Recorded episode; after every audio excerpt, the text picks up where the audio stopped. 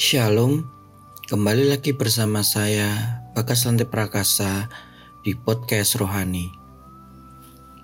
Hari ini kita akan memasuki uh, podcast Rohani episode ke-8 dan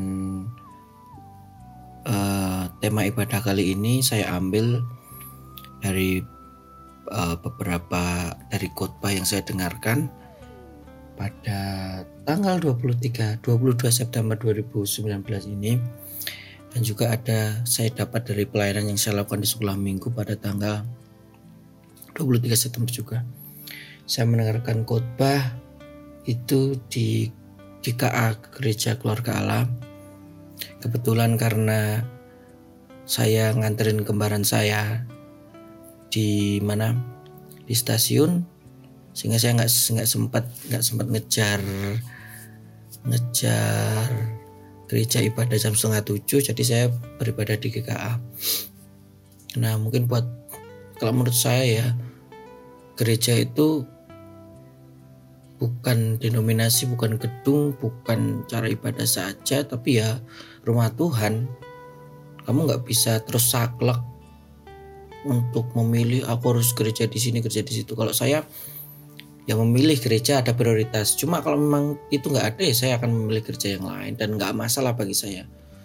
Saya saya sudah mencoba seluruh denominasi gereja dan kalau intinya tak kau pandang dari gereja mana asal kau berdiri atas firmannya kalau hatimu seperti hatiku kaulah saudara dan sahabatku jadi saya itu sangat bukan benci ya, apa ya, sedih sebenarnya melihat perpecahan denominasi gereja di mana-mana. Satu saklek dengan doktrin yang lain. Ya namanya doktrin, namanya mazhab itu tidak kalau dibenturkan ya bakalan crash dan semua orang akan satu sisi dengan sisi, sisi yang lain akan merasa sisi mereka paling benar. Padahal itu yang membuat kekristenan tidak bersatu rebut-rebutan jiwa, rebut-rebutan jemaat, dan sebagainya. Saya sudah merasakan gereja di tempat yang paling ekstrim, ekstrim jelek sampai ekstrim paling bagus. Bukan masalah ininya, tapi masalah bentuk pelayanan, bentuk gerejanya. Tempat ayah saya melayani di GKJ, Samigalo, Plono, dan Gowo itu terletak di puncak gunung dan kalau kamu tahu medannya, kondisi gerejanya, atapnya pada bocor, tapi orang-orang di sana tetap mau memuji Tuhan, mau datang berkilo-kilo jauhnya ke gereja. Dan kadang hanya nyanyi lagu Gusti nuntun lampah kulo sak langkung gen kulo bejo ketika saya melihat itu, saya yang datang ke gereja itu dengan bersungut-sungut karena di gereja itu saya sulit untuk membangun semangat. Isinya orang-orang tua semua dan kadang keras kepala semua untuk mau ber, untuk mau berkembanglah gereja. Tapi saya melihat hati yang tulus dari jemaat-jemaat yang ingin mencari engkau. Itu yang membuat saya sangat menghargai apa yang saya miliki di gereja Kristen Jawa SPG karena itu adalah ladang ayah saya dan menjadi ladang saya juga untuk menabur kasih, menabur berkat. Bukan GKJ yang lain, tapi GKJ SPG. Dan filosofi GKJ begitu kental sudah saya dapatkan dan saya tidak akan lepas dengan apa pun. Filosofi bukan doktrin. Filosofi hidup menurut saya yang paling penting itu itu filosofi hidup di GKJ itu seperti apa filosofi hidup di pelayan, lembaga pelayanan mahasiswa itu seperti apa filosofi hidup yang kamu dapatkan ketika mengajar sekolah minggu seperti apa. Itu yang penting untuk kamu mendapatkan menambahkan nilai nilai positif dalam kehidupanmu. Bukan kamu belajar doktrin terus menyalahkan satu doktrin yang salah menghakimi doktrin yang lain. Kenapa kamu senang jadi orang pintar men Tuhan itu justru senang sama orang yang merasa belum pintar dan terus belajar. Saya tuh ngerasa paling bodoh lah untuk masalah doktrin, masalah ini ini ini. Silakan uh, kritik saya, masuki beri masukan kepada saya. Saya sangat open menerima. Semakin saya belajar, semakin tahu saya tidak masih banyak hal yang harus saya pelajari ini. Itu bukan belajar banyak hal.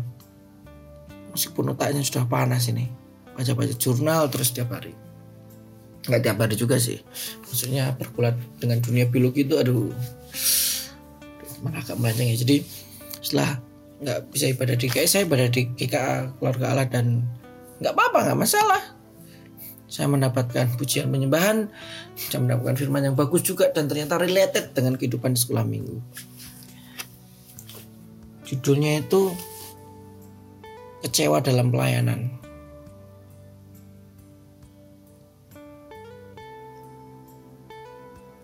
kecewa dalam pelayanan. Nah, Pak Pendeta atau Pak Gembala yang menyampaikan firman ini, saya lupa catat namanya. Itu lulusan dari Bosa Popuri 1. Dulu katanya beliau berprestasi sekali, dia berprestasi sekali untuk di Popuri 1. Terus akhirnya kuliah di KSW sana, uh, Satya Wacana di Salatiga Nah, ketika kuliah di UKSW, kehidupannya hancur-hancuran, ikut pergaulan bebas dan sebagainya, akhirnya hidupnya di sana hancur-hancuran dan merasa dia harus bertobat dan akhirnya dia bertobat dan kembali ke jalan yang benar. Nah, ada satu poin yang yang menjadi pressure ketika Pak Pak Pendeta itu sharing firman Tuhan itu adalah kehidupan rohani yang bagus rumusnya harusnya ya rumusnya itu selaras dengan prestasi di dunia. Oke, saya ulangi. Kehidupan rohani yang bagus sebenarnya itu tracknya itu harusnya sama lurusnya dengan kehidupan rohani di dunia. Eh sorry, kehidupan prestasi di dunia.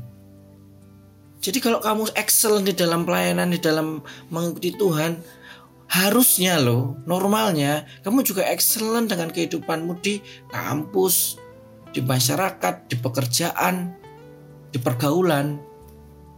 Sinkron. Harusnya seperti itu. Kalau masih belum kamu harus bertanya sesuatu dong. Jangan sampai pelayananmu di gereja di komunitas itu mengorbankan akademikmu. Saya paling benci orang yang sok-sokan holy sosokan kudus mengorbankan tugas utama dia sebagai pelajar demi yang katanya pelayanan. Tiap Senin, Selasa, Rabu, Kamis, Jumat, Sabtu, Minggu ada pelayanan, pelayanan, pelayanan, pelayanan. Kok ketok wong iki sangat-sangat luar biasa ya membuat orang terintimidasi. Wah pelayanan setiap, setiap hari hari Sabtu eh Senin sampai Minggu saya selalu baca Alkitab. Saya punya belajar teologi dengan baik. Jadi kalau saya hakimi kamu harus taat sama saya saya tuh sekarang tuh nggak mau namanya menjudge seorang. Saya tuh cuma pengen membagikan perspektif. Jadi tolong koreksi saya kalau saya sudah mulai menjudge menghakimi orang. Saya nggak mau namanya menghakimi orang. Karena saya tahu saya hidup saya itu banyak kesalahan. Siapa saya bisa jadi mengurui orang lain. Saya cuma mau membagikan pengalaman saya. Pengalaman saya begitu banyak dan salah satunya ini juga gitu loh. Ketika saya ketika pelayanan di PMK, jadi ketua PMK, full time di PMK, saya juga pelayanan di gereja full time. Dan saya mengambil mengambil juga pelayanan, memulai pelayanan pemuridan di Sion Ministry. Saya mengikuti tiga pelayanan dalam satu waktu. Belum tambah UKK juga kalau nggak salah. Saya jadi di kampus dulu jadi asisten dua mata kuliah, tiga mata kuliah, terus apa namanya ikut organisasi juga ada BEM ada KSK saya tuh kalau dilihat terlalu banyak memukul sibuk sekali. Sebenarnya nggak saya di situ ternyata saya belajar gitu loh. Dan ternyata kasih karunia Tuhan itu memampukan saya melewati itu semua. IP IPK saya ketika lulus dari biologi UGM itu 3,73. Excellent IPK saya. Cum laude. Dan saya percaya itu karena salah satunya jeripaya saya untuk melayani Tuhan. Sehingga saya tahu waktu saya yang saya gunakan itu benar-benar presisi dan benar-benar tepat dan benar-benar tidak saya manfaatkan untuk main-main tapi juga untuk jadi aku totalitas di pelayanan totalitas juga di akademiku dan itu dibantu oleh Tuhan kalau nggak dibantu oleh Tuhan nggak mungkin sih mungkin saya sudah jatuh sakit atau apa? Jadi uh, buat adik-adik buat teman-teman semua yang sekarang sedang mengumpulkan tentang pelayanan dan studi harus milih salah satu salah pilihlah dua-duanya. Prioritaskan Tuhan di dua bidang itu. Saya percaya ketika prioritaskan Tuhan di dua bidang itu ya kita jalannya santai aja. Terus persembahkan yang terbaik tapi santai aja. Dan hasilnya mesti juga baik gitu loh jadi usahakan excellent di semua bidang excellent di semua bidang sehingga kamu bisa menjadi garam dan terang bukan hanya jadi kamu tuh nggak perlu sebenarnya nunjukin keholianmu sungguh-sungguh ke orang-orang di pelayanan ataupun di komunitas. Kamu tuh kamu sama seperti menjadi garam dan terang di tempat yang terang dan asin. Sedihlah menggarami orang lain di tempat yang lain, terang di tempat yang gelap. Sehingga menunjukkan kasih karunia Tuhan itu nyatakan hidup kita. Oke. Nah, firman Tuhan yang dibahas di uh, di ibadah ini adalah dari kisah Tawarik. Kisah Tawarik ini bercerita tentang beberapa raja Israel yang memiliki karakter unik masing-masing. Nah, itu ada Raja Usia, terus Raja, Raja Yotam, ada Raja Ahas, dan ada Raja Hizkia. Yang saya akan jelaskan karakteristik masing-masing raja ini supaya uh, kita bisa melihat perspektif kenapa judul judul ibadah khotbah saat ini itu adalah kecewa dalam pelayanan. Nah, di usia, uh, Uzia atau bapaknya Yotam, raja pertama, itu adalah raja yang ya sudah diurapi Tuhan pasti jadi raja Israel. Nah, dia itu sudah membangun banyak hal, membangun banyak ini sampai dia merasa itu dia sangat diurapi Tuhan dan selama 16 tahun menjadi raja dia itu akhirnya menjadi sombong. Suatu saat karena saking kesombongannya dan karena rasanya mungkin dia sangat ini ya sangat powerful ya sama orang-orang. Tidak ada yang bisa mengontrol dia. Dia akhirnya melakukan hal yang di luar wewenangnya dan itu fatal yaitu adalah membakar korban bakaran di tempat Maha Kudus tanpa tanpa seizin iman imam melakukan korban bakaran di tempat korban Maha Kudus tanpa seizin imam dia dia kira tuh dirinya lebih dari imam lebih suci dari imam sehingga dia melakukan itu membakar itu. Dan akhirnya tahu apa yang terjadi? Si Uzia ini mengalami kusta dan mati karena diasingkan oleh seumur hidup. Gara-gara dia sok-sokan karena sudah apa namanya sudah belajar Alkitab begitu banyak, eh sorry sudah membangun negara begitu besar, sudah merasa paling holy, sudah merasa paling bagus dan sebagainya dan sebagainya dan sebagainya. Akhirnya dia melangkai orang-orang yang sudah dipilih Tuhan untuk mempersembahkan korban bakaran yaitu para imam, para lewi. Apa yang terjadi Tuhan menghukum dia otomatis kena kusta. Nah saya juga mau bicara seperti ini. Pengetahuan saya mungkin tentang kekristenan, tentang firman Tuhan karena saya sudah mempelajari begitu banyak denominasi itu bisa lebih besar daripada jujur ya daripada ayah saya mungkin yang pendeta bukan pengetahuan teologi loh, tapi pengetahuan strategi pelayanan. Ayah saya tuh ngurusin satu anak yang kecanduan main game aja bingung gitu loh. Padahal satu hal yang pasti ya bagikan firman Tuhan yang sungguh-sungguh, ajak dia berdoa, ajak dia bertobat. dan itu bisa terjadi. Maksudnya bukan gampang ya. Bisa dilakukan gitu loh tapi ini dipikir sama ayahku begitu keras begitu keras begitu keras sampai marah-marah. Tenang no hatimu pak. KBG no solusi ini gitu loh. Itu yang saya bagikan itu tapi bukan berarti saya jadi bisa membangkang dengan orang tua dengan pendeta dengan pemimpin rohani saya. Karena yang dapat panggilan special call itu bukan saya tapi mereka jadi sekarang ketika saya melihat saya belajar untuk menghormati, saya belajar sekali untuk menghormati yang namanya pemimpin rohani dan orang yang punya panggilan khusus untuk melayani Tuhan sebagai full timer. Karena kamu tidak tahu penderitaan mereka, kamu nggak tahu bagaimana struggle mereka bisa menjadi full timer. Apalagi orang-orang yang excellent di awal terus menjadi full timer. Kadang orang yang jadi pendeta itu kan kuliah tuh dulu nggak keterima di negeri, nggak keterima di mana, terus langsung bilang, oh ini mungkin jalan Tuhan, aku mau daftar di sini. Akhirnya selalu orang-orang Kristen eh kerja-kerja Kristen itu mendapat kualitas pendeta yang tidak excellent. Jarang ada orang yang dari awal SMA bagus terus tiba-tiba aku pengen sekolah pendeta. Jarang ada yang seperti itu. Di excellent saya pun meskipun anak pendeta saya tidak menemukan itu ya. Saya ketika karena ayah saya mulai pelayanan di GKJ itu tahun 2003 sampai sekarang 2019 itu sudah berapa tahun berarti? 10, 11, 12, 13, 14, 15, 16, 17 hmm, ya 15, 16, 17 tahun lah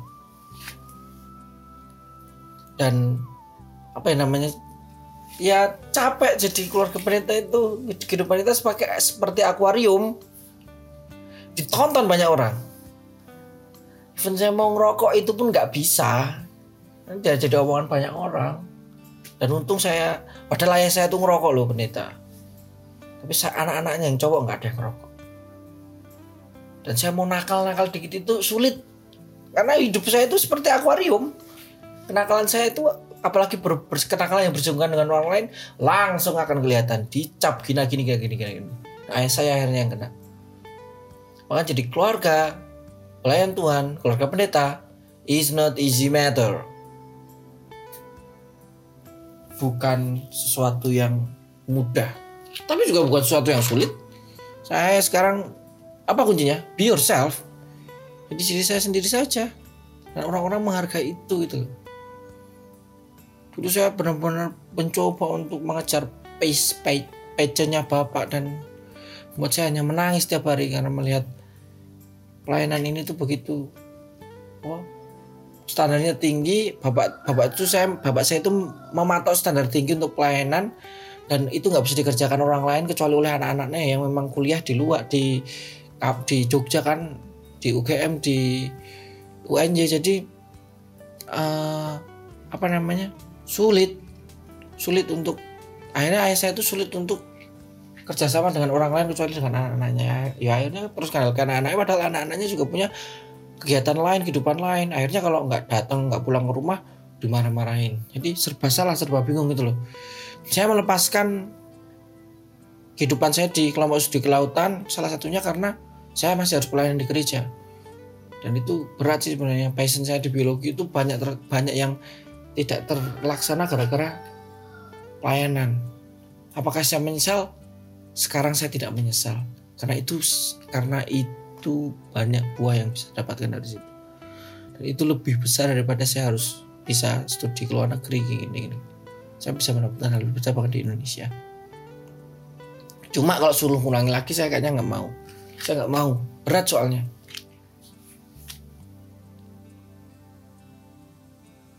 Nah seperti itu. Jadi kita kembali, maaf malah agak melenceng. Uh, di dua tawarik tadi bahwa Raja Usia itu mati, diasingkan, kena kusta. Sehingga dia punya anak namanya, yang kedua adalah Yotam. Nah melihat melihat apa ya namanya efeknya si bapak ini si Yotam itu jadi trauma, trauma untuk melayani Tuhan, trauma untuk mengusik-usik baik Tuhan, trauma untuk melihat Tuhan berdoa dan sebagainya. Eh melihat kok Tuhan aduh. Melihat orang-orang Lewi berdoa dan sebagainya. Dia punya trauma punya ketakutan punya kekecewaan sehingga ya udahlah aku jadi raja itu yang baik aku raja raja nggak yang nggak korupsi aku jadi raja yang menceritakan umat aku menjadi raja yang menyiapkan perbekalan perbekalan perang dengan baik tapi satu hal yang nggak bisa aku nggak bisa ke bait bait Allah bait suci.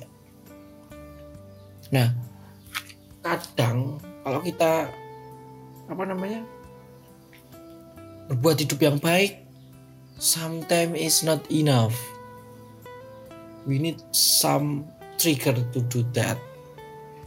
Dan itu adalah mengenalkan Kristus. Nah kamu tahu nggak kehidupan Raja Yotam pada saat itu ketika dia memutuskan itu seperti apa?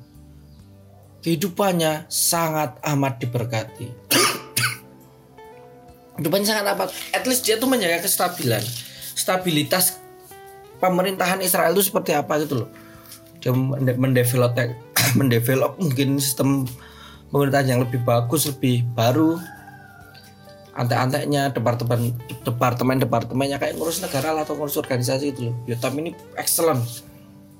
Cuma satu yang kurang tadi dia meninggalkan gereja. Apa yang terjadi ketika dia meninggalkan gereja? Ketika Yotam mati yang menggantikan bukan orang benar-benar pilihannya. Tapi yang menggantikan adalah anaknya yang opsi terakhir banget. Tolak budaya ya. Opsi terakhir banget itu yang namanya Ahas Nah, Ahas ini menjadi raja pengganti Yotam. Terus Ahas melakukan apa yang tidak berkenan di mata Tuhan. Ahas melakukan apa yang tidak berkenan di mata Tuhan.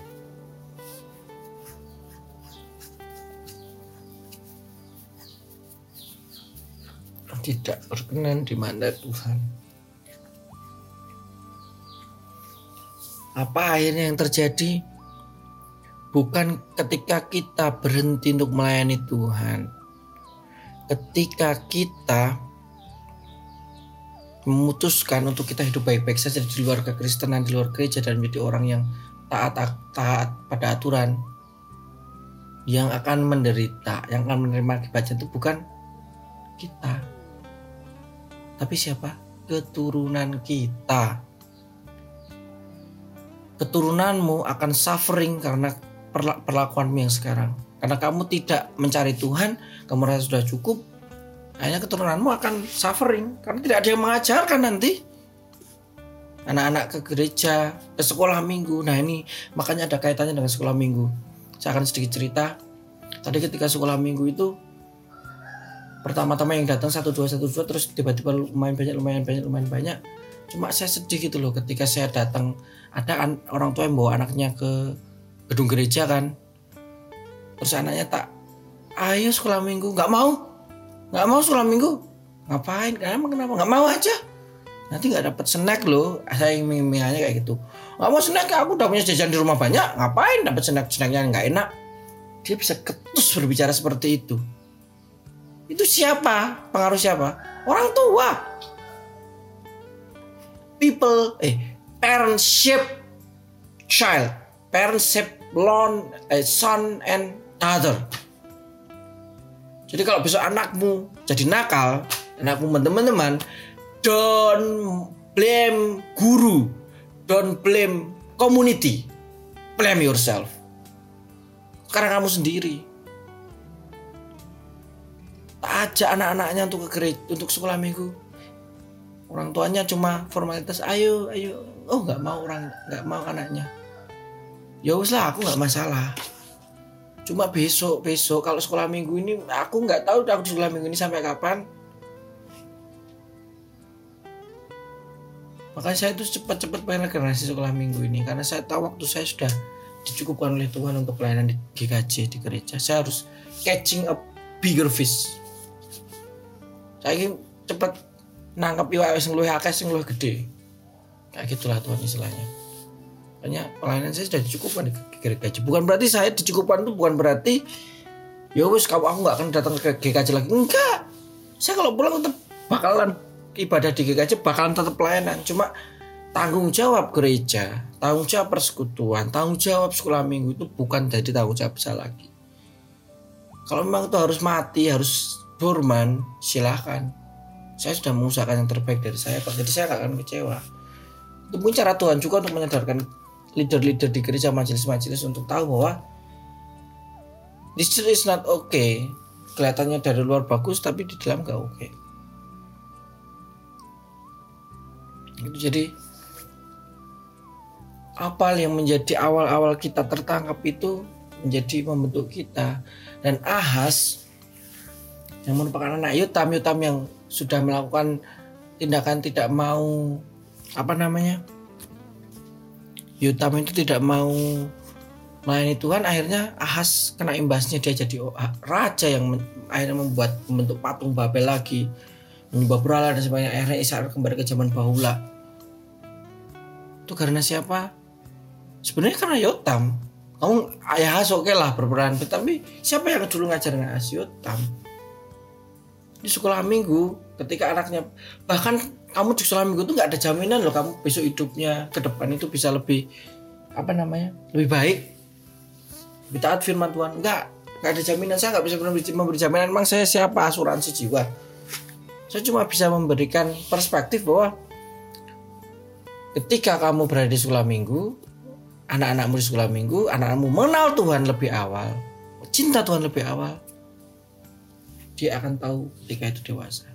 Ada lagu Pakai pakailah aku sebagai pelayan kecilmu. Walau aku masih terlalu kecil Tuhan pakai aku. Ingatkan tekadku ini sampai ku besar nanti. Ku mau kabarkan kasihmu Yesus sahabat dan Tuhanku saat gede saat kita belajar pengalaman kita di sekolah minggu pengenalan kita akan Tuhan itu akan menjadi reminder kita bahwa dulu aku pernah cinta Tuhan ya. Aku akan kembali ke jalan. Karena godaan di dunia ini begitu berat begitu besar. Kalau kita nggak punya komitmen dan sungguh-sungguh kita nggak akan bisa mengikuti Tuhan. Oke. Nah dan yang terakhir yang terakhir itu adalah Hizkia. Sorry ya tadi saya salah memberikan keterangan bahwa yang menjadi raja yang tidak diinginkan itu sebenarnya adalah Hizkia. Kalau Ahaz itu ya anaknya Yotamaja terus jadi raja. Cuma kalau Hizkia ini anaknya Ahaz yang terakhir yang sebenarnya bukan anak yang diproyeksikan si Ahaz jadi raja tapi karena anak yang, yang mati dalam perang terus apa di dan sebagainya sebagainya. Akhirnya tinggal si Iskia aja anak biologisnya dan akhirnya mau nggak mau si Iskia ini naik tampuk ke pemimpinan jadi raja. Dan yang Hiskia ini punya keistimewaan karena cuma Hiskia saja raja yang seperti Daud. Tidak ada raja-raja yang lain. Raja yang melakukan sesuatu seperti Daud itu cuma Hiskia saja. Tidak ada raja-raja yang lain. Kenapa karena dia melakukan banyak hal terobosan-terobosan baru secara rohani dan dia begitu rupa berbeda daripada ayahnya Daud itu hebat, excellent seperti ini, seperti ini, tapi akhirnya dia punya satu kelemahan yang membuat dia menjadi manusia.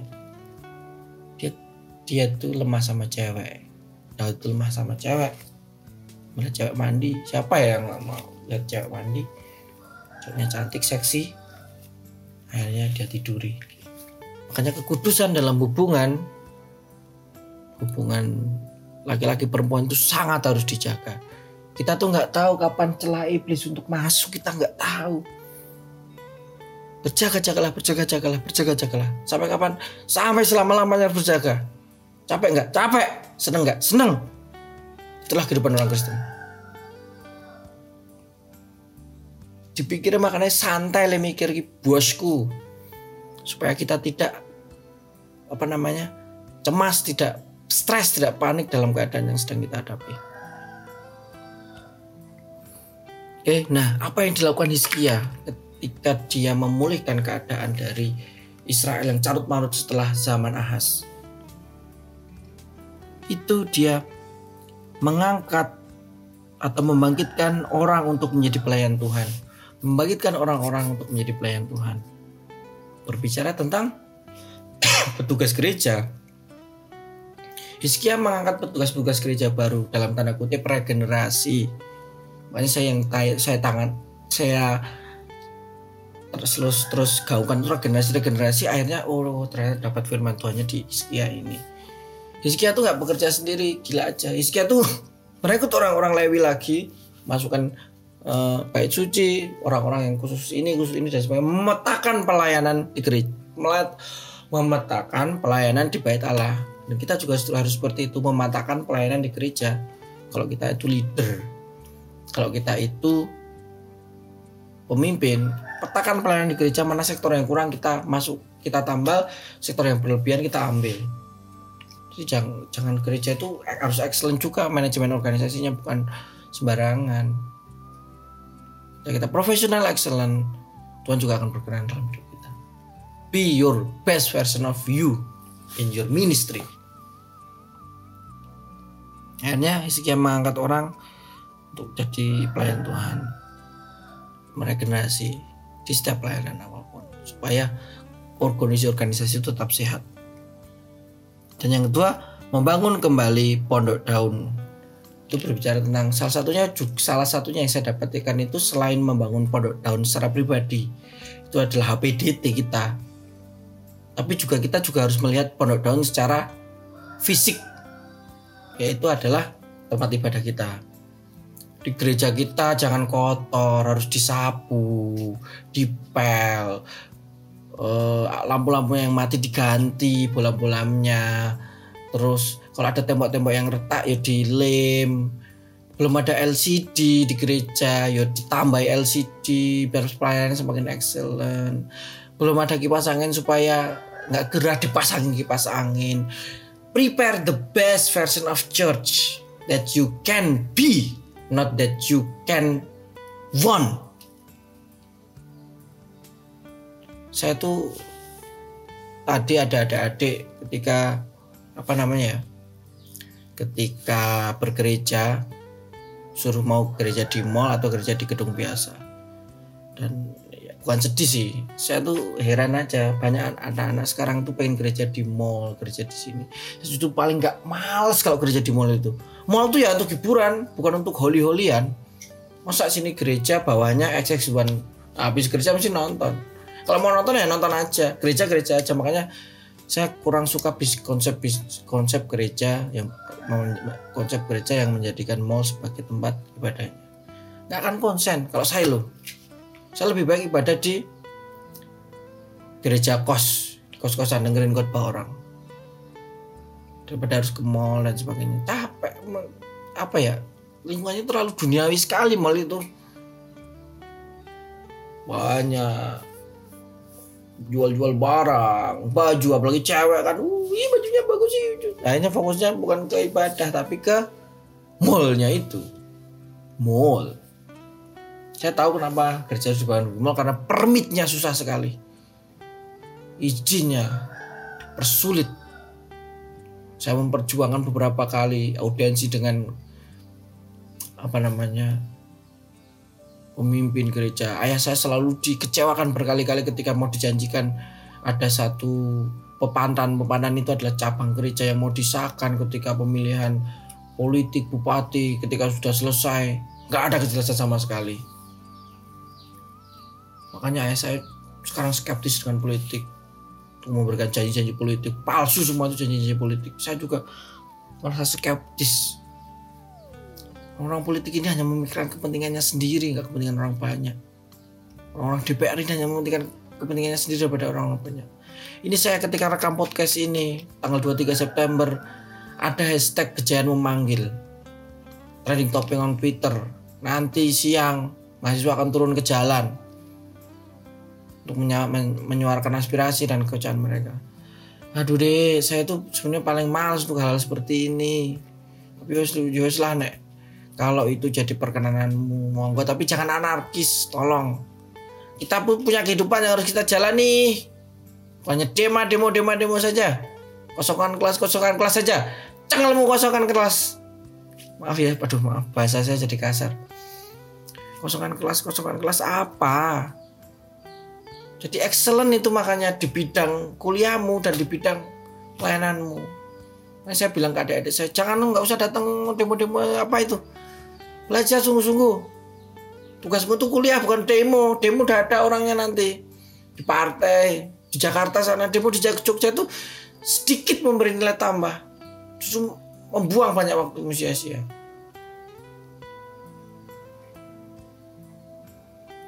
Oke, jadi seperti itu. Dua hal penting. Membang membangkitkan orang lain untuk menjadi pelayan. Membangun kembali uh, pondok daun. Pribadi kita dengan Tuhan dan secara fisik itu kondisi gereja seperti apa harus perbarui sehingga Hizkia bisa mengalami yang namanya kalau di GKI Jaya namanya eh di GKA itu Great Revival. Kebangkitan yang besar. Saya percaya juga itu gak hanya visinya untuk kalau itu dari Alkitab visinya nggak cuma untuk GKA bro. Untuk semua gereja di seluruh dunia. Universal dan kita melakukan menjadi perkenanan Tuhan dan melakukan seperti Iskia katakan gereja kita akan jadi mengalami great revival. Seperti itu. Jadi ya saya kalau ngomong tentang kecewa mengomongi judulnya tentang kecewa dengan pelayanan saya tuh ini belum tak bagikan ya. ada, ada banyak hal yang sebenarnya nanti mau tak susun untuk tak bagikan. Kecewa dengan pelayanan itu adalah hal yang selalu saya rasakan setiap saat dulu ketika benar-benar tutup waktu untuk atas pelayanan itu. Di PMK saya melayani dengan begitu sungguh-sungguh. Ini jadi ketua PMB apa yang terjadi? Saya harus tombok 3 juta rupiah untuk acara PMB dan itu dari saya saja. Saya tidak beli laptop. Di semester 3 pada semester etik paling itu di biologi saya nggak punya laptop. Kembaran saya yang masih mau masuk kuliah itu masih SMA itu sudah punya laptop. Coba betapa tidak adilnya ayah saya. Saya minta cuma uang tambahan untuk beli laptop saja Pak saya sudah punya uang 3 juta jadi sebelum 3 juta menghilang itu saya sudah punya uang 3 juta Bapak namanya 2 juta bisa nggak? Saya mau beli, mau beli laptop sekalian yang bagus supaya nggak minta-minta lagi. Nek 2 juta bapak nggak punya le. Padahal kemarin baru saja membeliin laptop adik uh, kembaran saya yang masih uh, eh, SMA saya dulu SMA akselerasi jadi saya loncat satu tahun lulus duluan baru dia. Barusan dibeliin net netbook seharga 3 juta lebih. Sebagai anak yang gini kecewa nggak? Iri nggak? Iri banget lah. Padahal IP semester 1 saya itu 3,9 dan 3,85 so much good. Misalnya di keluarga aja untuk meminta barang tuh harus ngemes-ngemes dan nanti nggak dikasih. Satu PMK gereja. Saya totalitas pelayanan di gereja dan di pemuda, di sekolah minggu, di lansia dan sebagainya. Kadang feedbacknya itu negatif. Justru sekarang itu Om SPG itu sedang dalam masa titik-titik kritis mau mati. Yang datang PA cuma 3, 4, 3, 4, 3, 4. Apa yang salah dari yang aku lakukan? Aku tuh selalu pengen ngerangkul adik-adikku menyemangati mereka padahal mereka tahu aku tuh punya problema yang begitu besar tapi aku bisa tetap sayang tetap bisa memasang senyum palsu ke mereka. Terus apa mereka butuhkan? Saya tuh cuma nggak mau mereka tuh meluntar dari pelayanan gitu loh. Eh, keinginan saya cuma satu itu sederhana.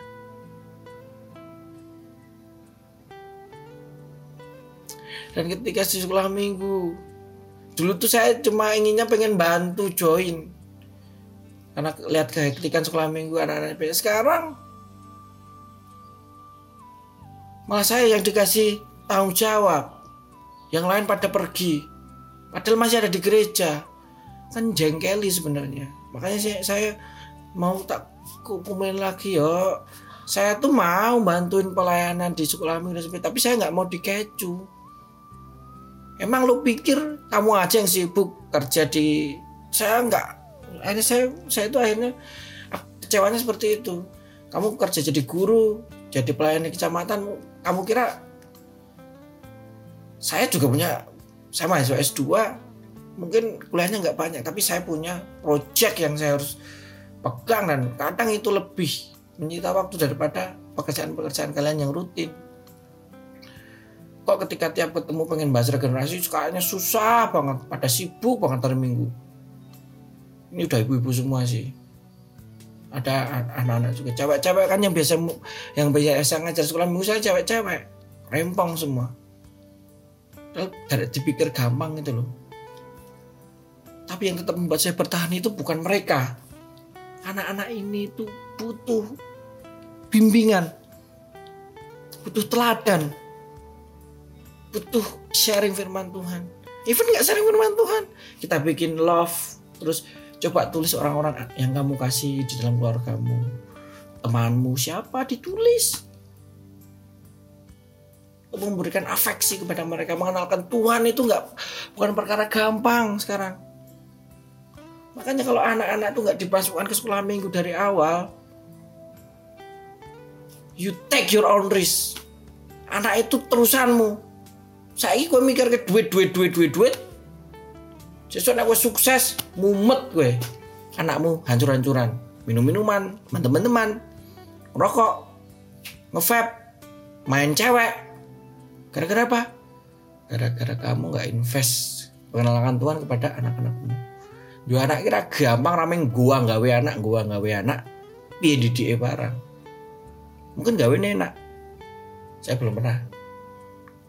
Tapi didike sampai gede sampai dia akan menjadi penerus menanti itu nggak sulit. Eh itu sulit. Dan harus tetapkan yang ayah saya tetapkan standar kepada saya kowe luwi bapak mulai kamu harus melebihi ayahmu di setiap bidang. Pelayanan pekerjaan studi pertemanan hidup. Harus dapat cewek yang lebih cantik dari ibu dan sebagainya. Tantangannya ayah saya sebagai pendeta saya akan ambil karena saya sudah mendapatkan prinsip yang sama dengan ayah saya, yaitu adalah melakukan iman, berjalan dengan iman. Sekarang semua kehidupan saya yang saya jalani itu berjalan dengan iman. Saya tuh nggak tahu ke depan seperti apa, tapi saya bisa yakin dan tahu pasti secara presisi kehidupan saya seperti apa. Karena saya berjalan dengan iman. Dan saya bisa keras untuk me, me, untuk me, menggenapi visi, uh, prinsip ini. Tak bela nih. Jadi ketika saya sudah punya keinginan, tak bela nih maju apa pun yang terjadi. Keras secara prinsip tapi lembut secara sikap. Harus seperti itu jadi orang itu. Prinsipnya orang Jawa. Keras secara prinsip, lembut dalam bersikap. Ngomongnya sehalus tapi prinsipnya keras.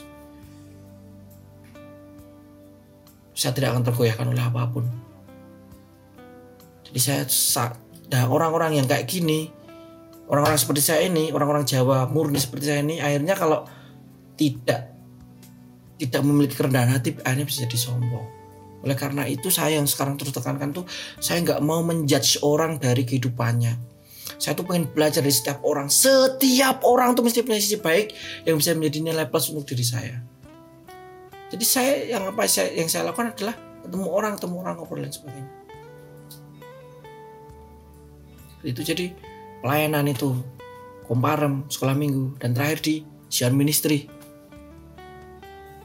Dulu saya pelayanan di Sion Ministry nggak main-main juga saya tuh dulu beberapa kali jatuh kecelakaan gara-gara saya harus bolak-balik Kulon Progo Jogja di hari Sabtu karena saya harus pelayanan ibadah di Jogja di komunitas mahasiswa dan malamnya harus ibadah di Komparem. Dalam waktu seper satu jam saya harus ngebut dari Jogja ke rumah langsung ke gereja saya nggak mampir ke rumah saya ke gereja langsung. Kalau kondisinya normal, fisiknya normal itu bisa. Cuma kadang kalau capek, hujan, badai, satu jatuh kecelakaan itu berkali-kali dan saya nggak ngomong. Kok, kok orang ngantuk tiba-tiba jatuh. Yang terakhir parah itu adalah saya jalan saya nabrak orang. Dan puji Tuhan orangnya nggak apa-apa. Saya dulu tuh saking terlalu ambisinya dan pelayanan Sion ini dulu memaksa orang begitu harus memberi, memberikan 200% tenaganya dan nggak tahu latar belakang orang itu seperti apa. Hanya kepontal-pontal saya.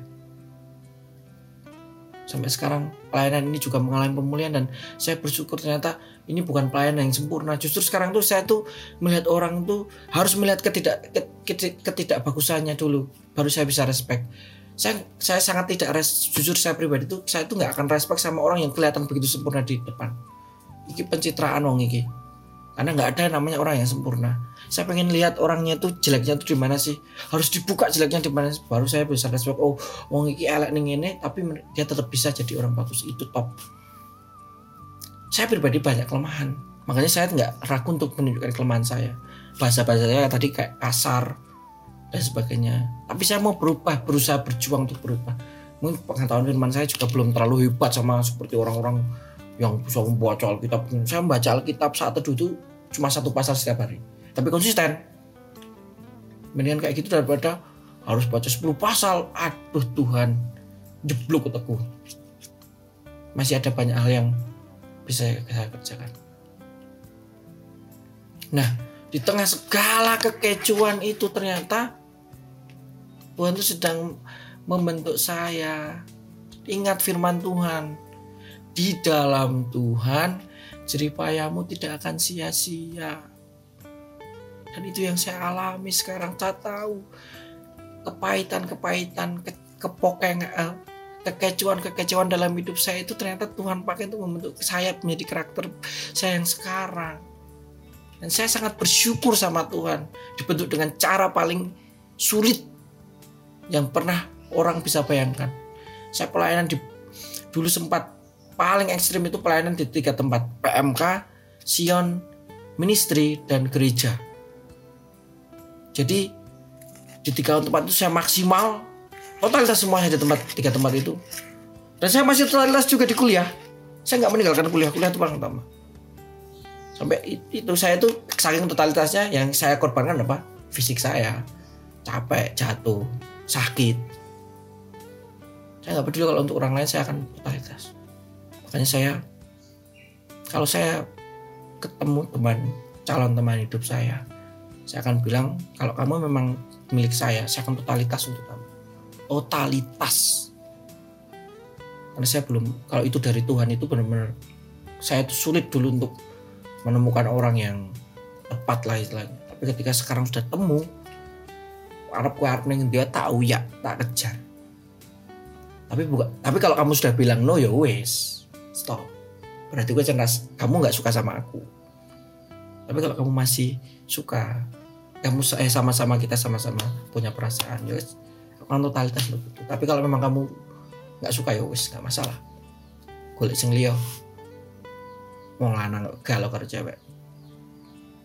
Seperti itu. Jadi saya prinsip saya sekarang pak tak pikir semua dengan logika logis. Sehingga saya tidak akan kecewa dengan keadaan-keadaan yang masalah-masalah yang merintangi diri saya kekecewaan, kepahitan-kepahitan dalam pelayanan itu justru membentuk kita, shape kita untuk jadi pribadi yang berkarakter di dalam Kristus. Justru orang-orang Kristen yang hebat, orang-orang Kristen yang punya pengalaman yang kuat itu justru orang yang dibentuk dari penderitaan, bukan dibentuk dari kenyamanan. Namanya pelayanan itu harus menderita. Namanya mau pelayanan Tuhan dan kue ini kudu ngerasa penderitaan namanya kalau belum berarti pelayananmu cuma masih formalitas atau masih di level yang pi pi. Masih level awal. Level 1 level 0 itu hidupmu penuh dengan pergumulan penderitaan. Tapi seperti kata Paulus di saat penderitaan itu kita bisa ah, ada Tuhan aku bersuka cita. Gendeng. Bisa bersuka cita dalam penderitaan. Itu jadi buat teman-teman semua yang mungkin sedang mengumpulkan kecewaan karena melihat orang di pelayanan kecewa dengan orang di pelayanan kecewa dengan sistem di pelayanan kecewa dengan doktrin di pelayanan. Pikirkan lagi siapa yang orang yang tidak akan membuatmu kecewa dalam pelayanan? Tuhan Yesus. Fokus pelayanan itu pada langsung nih Gusti Yesus. Gusti Allah engkang katon yang terlihat. Jangan pikirkan manusia-manusia di bawahnya ini manusia-manusia di bawahnya. Even saya kecewa dengan ayah saya sebagai pendeta tapi saya tidak kecewa dengan Tuhan karena ayah, kenapa saya wajar saya kecewa? Karena ayah saya manusia. tidak sempurna. Ada kelemahan-kelemahan. Justru sekarang saya pengen membantu ayah saya untuk menutupi kelemahan-kelemahan itu. Pelayanan di GKJ selama saya masih ada waktu. Karena saya tahu saya akan dikepakkan Tuhan untuk pelayanan yang lebih tinggi lagi. Ya di gereja. Saya manfaatkan waktu saya sebaik mungkin. Saya efektif mungkin saya efisien mungkin untuk membantu ayah saya pelayanan di gereja belajar pelayanan di tempat lain nggak masalah saya mikirnya slow ya enteng melaku ya sementing melaku maksimal melaku maksimal Oke, seperti itu yang bisa saya bagikan untuk firman Tuhan kali ini. Mungkin agak menggebu-gebu karena temanya memang sangat relevan ya dengan kehidupan kita sekarang.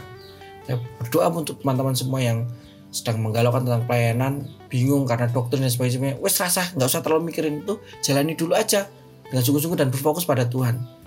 Tuhan itu yang memelihara gereja. Jangan lihat orangnya, tapi lihat Tuhan langsung. Baca Alkitab langsung. Sola script, sola, fide, sola gracia. Itu tiga dasar prinsip jadi orang Kristen. Nggak usah mikirin doktrin dan sebagainya itu di bawahnya. Utamanya itu.